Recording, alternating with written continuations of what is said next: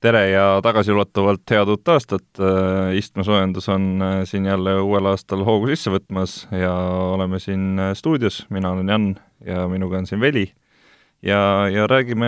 täna väga erinevatel teemadel.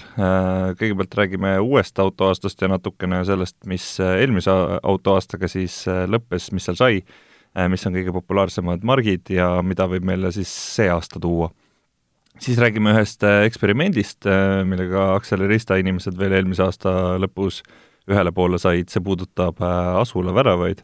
Veli räägib meile täpsemalt siis, mis need on ja mis nende mõte on ja, ja kas sealt ka päriselt läbi saab sõita niimoodi, et sa enda autoga kummuli ei lähe.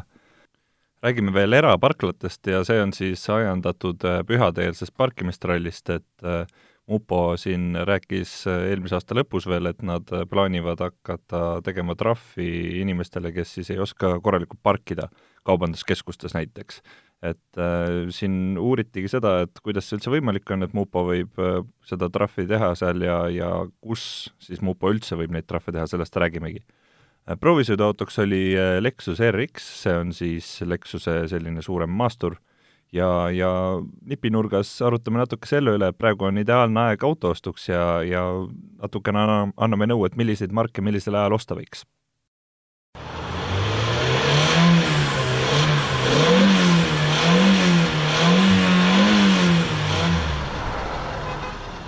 nii, ja esimese asjana räägime siis äh, uuest autoaastast või tähendab äh, vanast autoaastast, et Ülle kirjutas siin pika loo äh, Äh,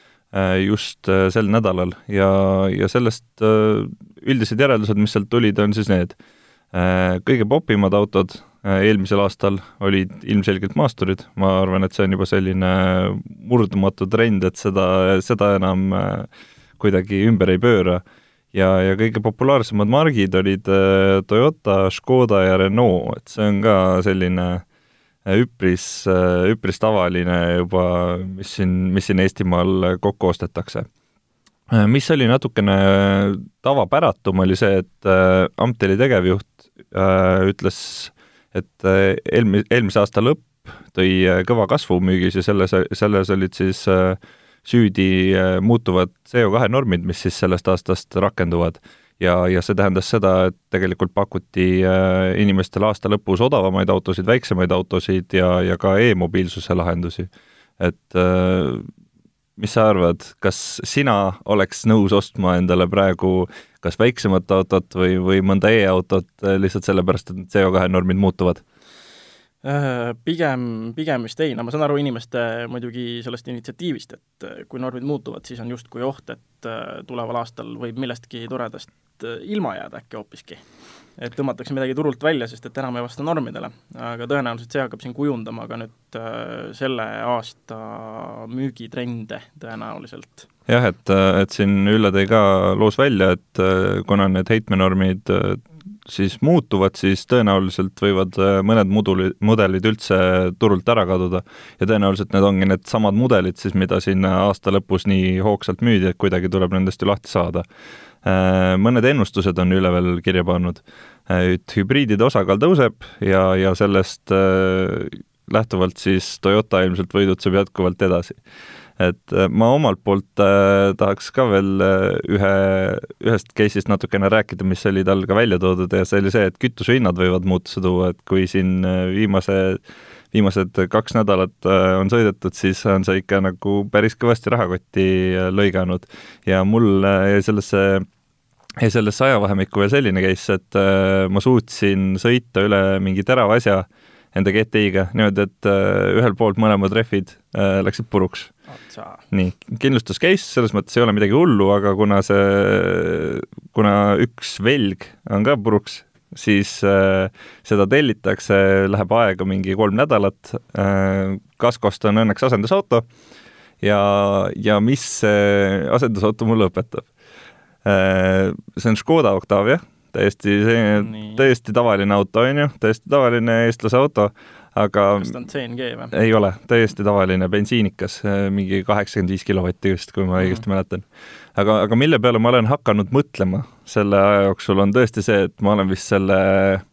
Škodaga nüüd praeguseks sõitnud kaks nädalat ja ma ei ole jõudnud isegi poolt paaki kütust ära kulutada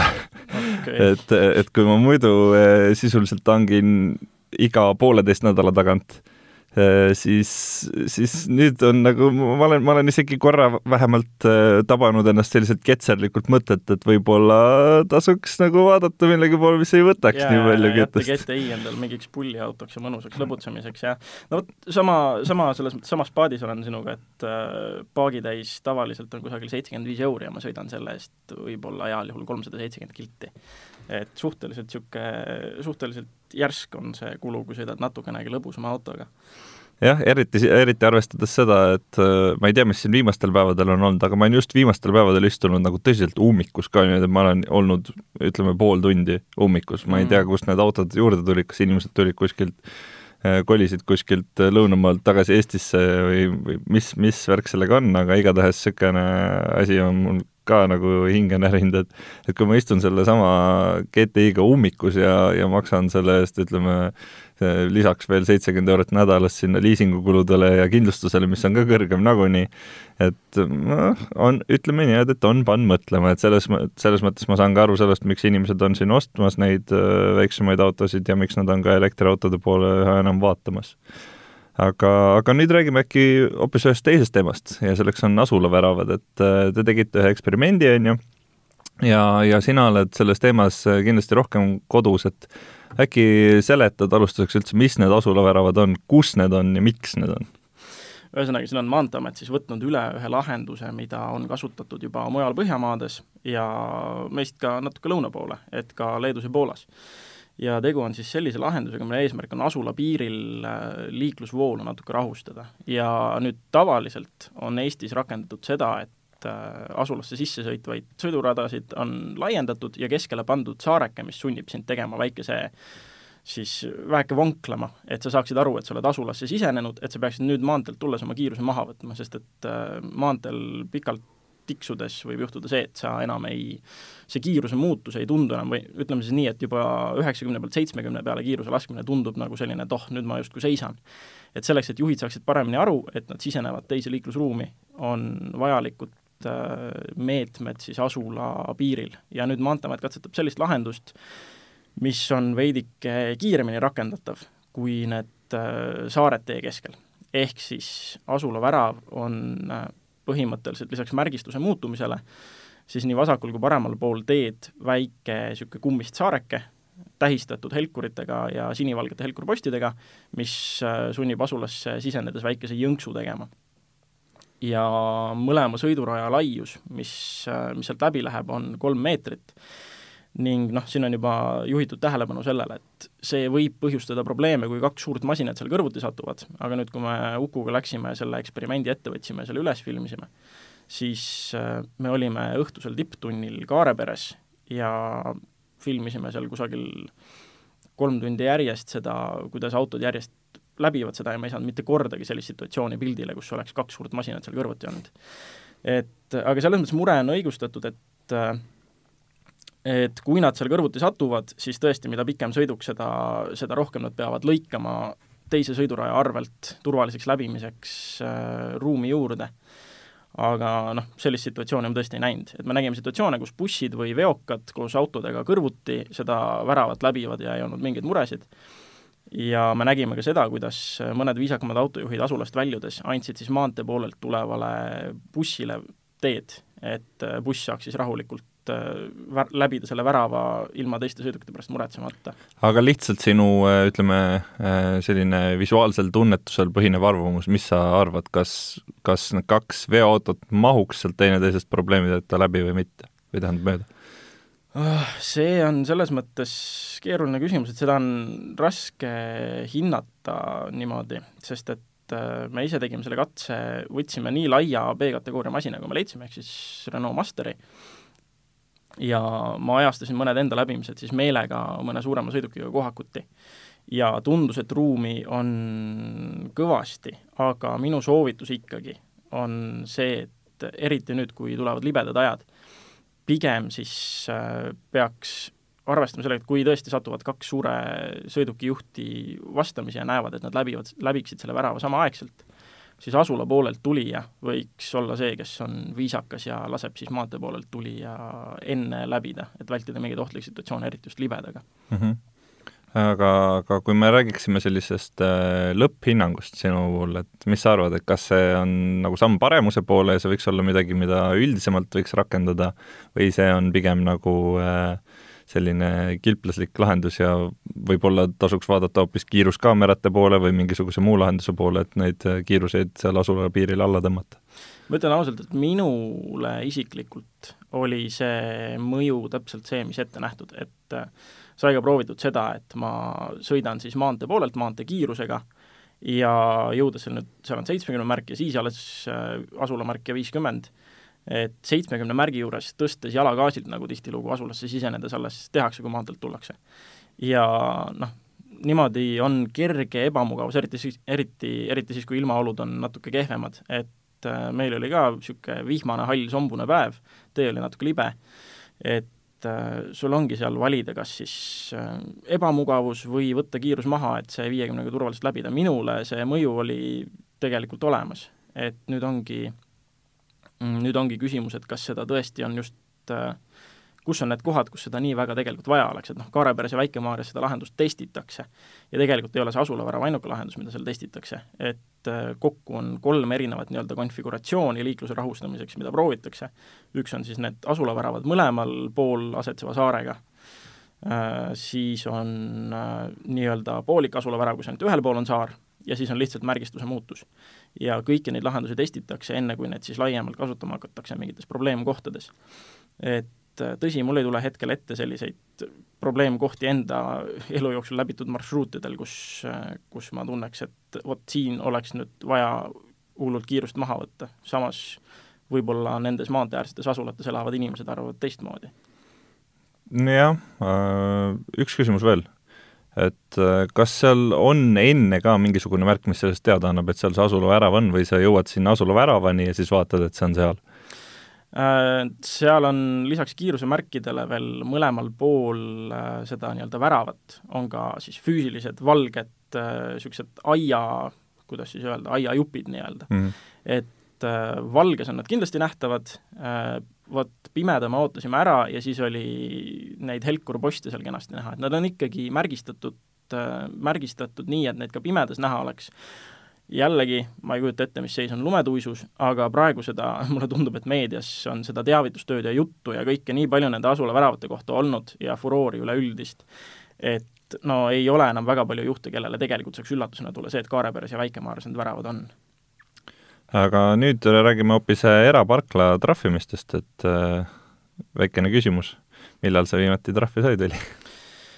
Oh,? hea küsimus, tegelikult ma arvan, et see jäi tõenäoliselt aastasse, tõenäoliselt aastasse kaks tuhat kaheksateist, kui ma parkimise eest trahvi sain äkki. Ma, ma olen vist ainult ühe korra saanud ja see oli lihtsalt sellepärast, et ma kogemata parkisin tsoonist välja mm. -hmm. aga, aga küll aga, küll aga on juba positiivne asi, mis ma välja tuua tahan, on see, et äh, Ülemiste keskuse parkla äh,, nüüd oli hiljuti üks äh, töölähetus ja ma jätsin auto,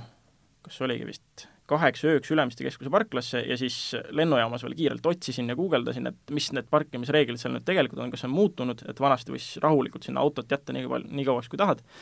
ja siis avastasin, et ohoo, et neil on seal öine parkimine keelatud. ma mõtlesin, et kas sellest tuleb nüüd siis mingi jama või mitte, aga noh, tegu oli tehtud, mis ma seal ikka teen. ja tagasi jõudes leidsin siis äh, kojamehe vahelt paberi, kus oli kenasti välja toodud, et vot, meil on tegelikult nüüd parkimiskorraldus sellest ja sellest ajast äh, muudetud, et palun ole hea, nüüd võta teadmiseks, et praegu me veel trahvi ei tee, aga et kui järgmine kord niimoodi teed, et siis üleöö jätad, siis saad trahvi, et tegelikult selles mõttes kiitus Ülemiste keskuse meeskonnale, et ei kutsuta kohe kohale mupot ja ei laksata trahve, vaid ikkagi antakse niimoodi äh, ühesõnaga siis Vi viisakalt teada. viisakalt ja heatahtlikult teada, jah. jah, et äh, tegelikult see kogu äh, mupo case on ka see, et nende, nemad samamoodi rõhutavad, et nende eesmärk ei ole trahvi teha, aga vaatamata sellele on neil tegelikult õigus äh, kõikidel kinnistutel, mis on liiklemiseks avatud, siis seal järelevalvet pidada. ja, ja nemad rõhutavad veel seda, et äh, kõige olulisem nende jaoks on see, et inimesed ei pargiks kinni neid äh, nii-öelda suuri, äh, suuri zooni, kus need autod liiguvad, et ikkagi meil on meil on, esiteks tahavad kõik teised liiklejad sealt läbi saada ja, ja teiseks on ka see, et sellistes just, et sellistes suurtes kaubanduskeskustes, eriti pühade ajal ikka tuleb ette, et inimesi on rohkem, ikka juhtub mingeid õnnetusi, keegi kukub, mis iganes. Et, et sinna tahavad operatiivsõidukid ligi pääseda, et kui te ei mõtle selle peale, et teistel võiks mugav olla, siis te võiks vähemalt mõelda selle peale, et äh, teiste inimeste elu võib isegi ohus olla lihtsalt teie lolli parkimise pärast. ja, ja lisaks on ka tehtud statistika sellest, kus neid äh, valeparkijaid enim on ja, ja nagu sa juba välja tõid, siis Ülemistes ja Mustakivi keskuses, Tallinna Kaubamajas ja Mustamäe elamusspaas, et, et siis need on need kohad, kus äh, tasub parkimisel äh, eriti ettevaatlik olla ja ka muidu eriti ettevaatlik olla, kui seal hästi palju selliseid äh, parkijaid on jah, ja nüüd, kuna tegelikult ju oli ka siin lugeja küsimus, et kui see parkla on eramaal, on ju, et miks ja kuidas üldse võib seal trahvi teha, siis Mupo vastus oli ka see, et kuna seal on kehtestatud ikkagi nii-öelda vaba liiklemine ja seal kehtib liiklusseadus, siis neil on õigus seal trahvi teha. just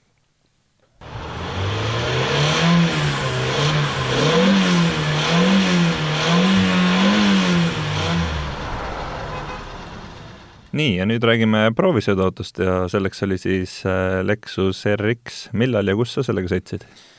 kusjuures nüüd ma mainisin seda parkimise intsidenti Ülemistes, et ma mõtlen, et kas see, kas see lähetus äkki võiski olla Lexus RX-i lähetus siis, et äh, et see esitlus oli Ibizal ja see oli millalgi septembri keskel äkki, kui ma ei eksi mm. -hmm. et suhteliselt ikkagi, mis suhteliselt, tegelikult äh, proovisõidu mõttes väga pikk aeg tagasi ja seal sai sõita temaga kaks päeva järjest igasuguseid toredaid mägiteid läbi, et pluss siis linnakeskkonda muidugi. et äh, aega on möödas kaua, aga mingid põhilised asjad on meeles ja jällegi ma pean selle auto puhul rakendama nüüd seda nii-öelda äh, seda tagasiside meetodit, et äh, see on sedasorti auto, mille puhul on pigem hea kui sul ei jää sellest sõidust väga palju tegelikult meelde. et äh, kui see oleks äh, mingisugune sportmasin, siis mida rohkem tagasisidet sõidu jooksul koguneb, seda parem masin ta tõenäoliselt on. aga selle Lexuse puhul on just see, et midagi nagu noh, mitte midagi ei jäänud häirima otseselt, äh, mitte midagi ei olnud valesti, ta oli mugav, ta oli mõnus, igasugused, igasugune ettekujuteldav mugavusvarustus on olemas sõidab pehmelt, sõidab vaikselt. Ähm,, mis seal veel, mis seal veel oli, noh, natukene võib-olla imelik tundus, et tal üldse mingisugused sõidu, sõidurežiimid on, on pandud valitse pealt vahetatavaks, et tegelikult nagu mingisugust noh, see ei ole see masin, mille peale sa keerad selle nüüd kusagile mingi sportrežiimi peale ja siis saavutad temaga mingisuguse sportliku elamuse, et tegelikult seda päris ei, tegelikult seda päris ei olnud aga ainuke koht, mis mind natukene mõtlema pani, oli see, et just siis, kui ma sellest autost ka mingil hetkel kirjutasin, on ikkagi see hinnaklass, et kellele see tegelikult selles mõttes on. et äh, kui ma vaatan seda masinat, siis äh, ma ei julgeks teda jätta parkima isegi kusagile parkimiskeskuse parklasse. et ülemist, üle, ülemistesse ei jätaks, jah? et kartes, et keegi mõlgib tal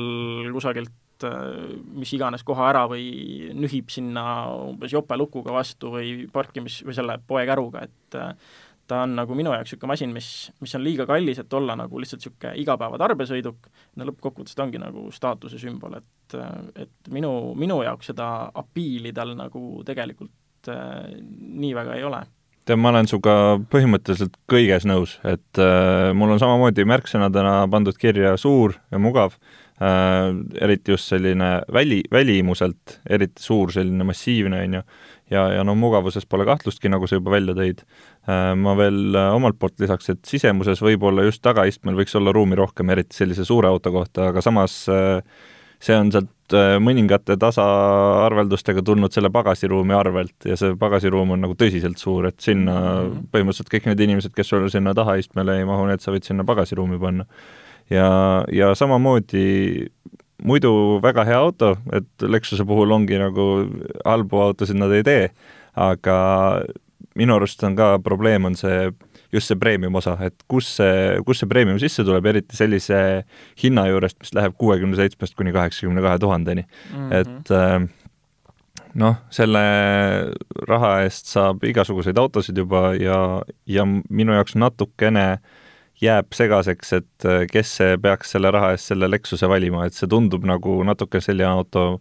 mida, mida, mida päriselt keegi ei valiks selle raha eest, ma võin muidugi eksida, aga, aga mina vähemalt ei, ei suudaks nagu, ei suuda sellest äh, nii-öelda sellest kaalutlusest aru saada, et et ma, ma kujutan ette, et kui staatuse sümbolit minna taga ajama, siis selle raha eest saab juba äh, teistsuguse staatuse sümboli, kuna meil on just need äh, Saksa autod on, on ju, eriti äh, au sees, et pigem ma arvan, et võib-olla eestlane ostab isegi kasutatud mingisuguse sakslase, mis on uhkem kui, kui hakkab seda uut, äh, uut Lexust ostma. jah, samas Lexusega on muidugi see, et nad äh, seisavad igakülgselt selle tehnoloogilise innovatsiooni eest, et äh, et samamoodi seal proovisõiduüritusel oli, oli rivistatud üles ka eelmised RX-i põlvkonnad ning lisaks ka nende esimene šedööver üldse, ehk siis LS aastast kaheksakümmend üheksa. ja sellega oli väga imelik oli sõita autoga, mis on põhimõtteliselt äh, üle kolmekümne aasta vana ja seal on sellised asjad, mida praegugi ei pruugi autodest leida, et äh, mis ta oli seal,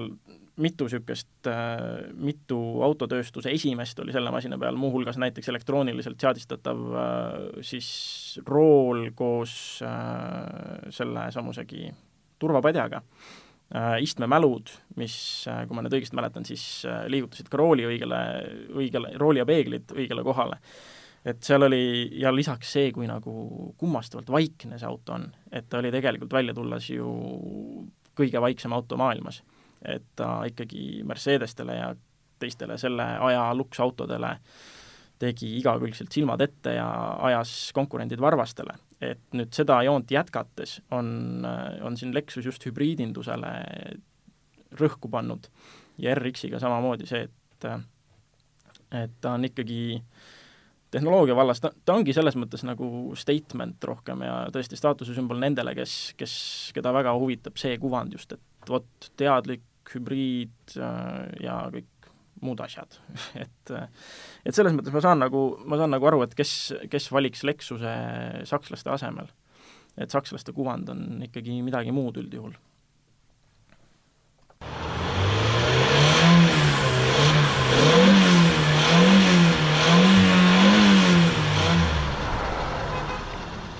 nüüd, kus siin äh, uutest autodest räägitud, siis äh, tasub meelde tuletada sellist asja. Äh,, kuna lugu küll iseenesest ja kogu see informatsioon, mis siin äh, välja kohe paiskame, pärineb eelmisest aastast, siis ega see tõenäoliselt ei ole väga muutunud et äh, praegu on suurepärane aeg auto ostmiseks ja see ei ole sisuturundus, vaid see on lihtsalt puhtalt fakt. ja, ja see fakt äh, põhineb sellel, et suured pühad on läbi ja kõigil inimestel on raha otsas. ja, ja nii äh, irooniline, kui see ka ei oleks, siis see, kui kõigil on raha otsas, siis see tegelikult tähendab alati seda, et on kõige parem aeg ostmiseks. ja ja siin eh, eelmisel aastal Ülle samamoodi pani kokku ühe loo, kus on siis kõige populaarsemad automargid ja see, millal neid osta tasuks. Äh, kuna meil siin kõige populaarsem eelmisel aastal oli Toyota, siis äh, Toyota, Nissan, Subaru, kõik teised äh, Jaapani autod, need tasub alati osta aasta esimeses kvartalis kuna jaapanlastel on siis äh, majandusaruande esitamise tähtaeg ja nad tahavad saada endale suurepäraseid tulemusi, et see, see siis võib ka tähendada seda, et on, äh, on parem aeg äh, läbirääkimiseks. Kui me võtame siin järgmise populaarse auto, siis Škoda tasub aasta pigem aasta lõpus, seega sellega on juba natukene hiljaks jäädud, et detsember on Škoda ostmiseks õige aeg. Hyundai'st rääkides võiks see olla kas veebruaris või juulis ja, ja Kiia ostmiseks samamoodi detsember. Et äh, kokkuvõtteks ongi tegelikult see, et, äh, et nii äh, praegu kui ka juulis on väga head ajad, et autot osta ja, ja see on nii nende paremate pakkumiste pärast kui ka sellepärast, et lihtsalt on esiteks rahulikum aeg, kuna inimesi ei ole seal esindustes nii palju ringi tuulamas. Teiseks kindlasti kõik need tellimisajad ja need on lühemad, kuna inimestel ei ole raha, et autosid osta praegu, Äh, et äh, täpselt sama asi on juulikuuga, siis kõik puhkavad, et äh, ühesõnaga, kui on, kui on mõte autot osta, on juba midagi välja vaadatud, siis praegu on see õige aeg. aitäh kuulamast!